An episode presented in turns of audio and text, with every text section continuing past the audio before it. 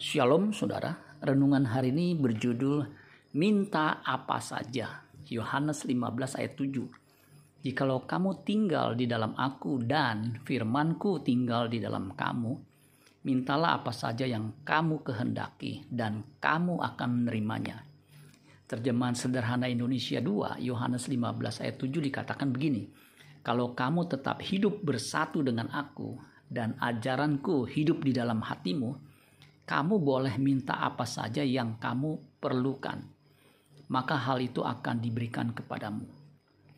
Kalimat mintalah apa saja yang kamu kehendaki dan kamu akan menerima sering dipelintir dan disalahpahami orang Kristen awam yang tidak bertanggung jawab demi keinginan pribadinya.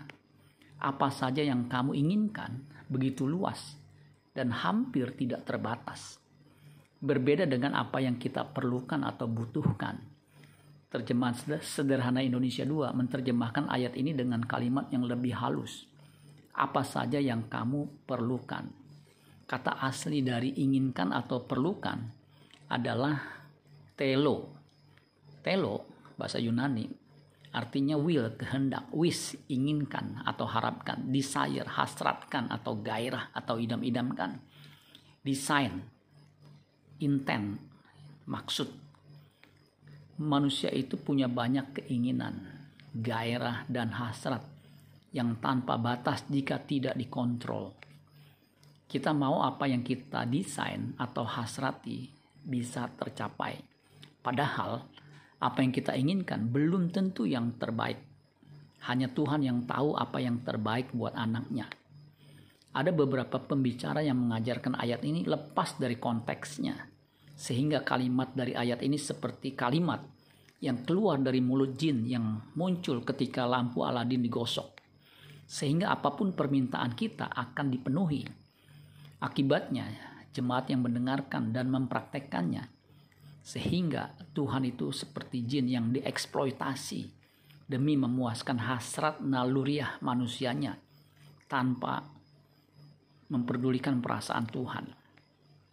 Tuhan dipahami sebagai pribadi yang memenuhi semua keinginannya saja. Untuk itu dia harus dipuja-puji dengan lagu pujian penyembahan seagung-agungnya dan dengan pemberian sejumlah uang untuk menggosok lampu Aladin Tuhan. Betapa bahayanya pemahaman seperti itu. Padahal konteks ayat ini atau kalimat ini adalah jikalau kamu tinggal di dalam aku dan firmanku tinggal di dalam kamu. Ketika kita tinggal di dalam Tuhan dan firman-Nya atau ajarannya tinggal di dalam kita, maka kita akan mengerti kebenaran.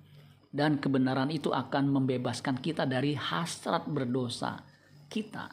Sehingga apa saja yang kita inginkan pasti sesuai dengan hasrat atau keinginan Allah Bapa.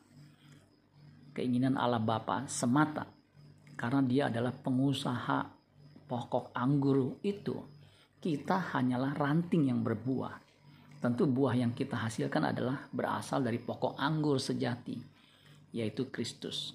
Hasrat kita pasti sesuai dengan hasrat Kristus. Yang makanannya adalah melakukan kehendak Bapaknya dan menyelesaikan pekerjaannya. Amin buat firman Tuhan. Tuhan Yesus memberkati. Sholat Gracia.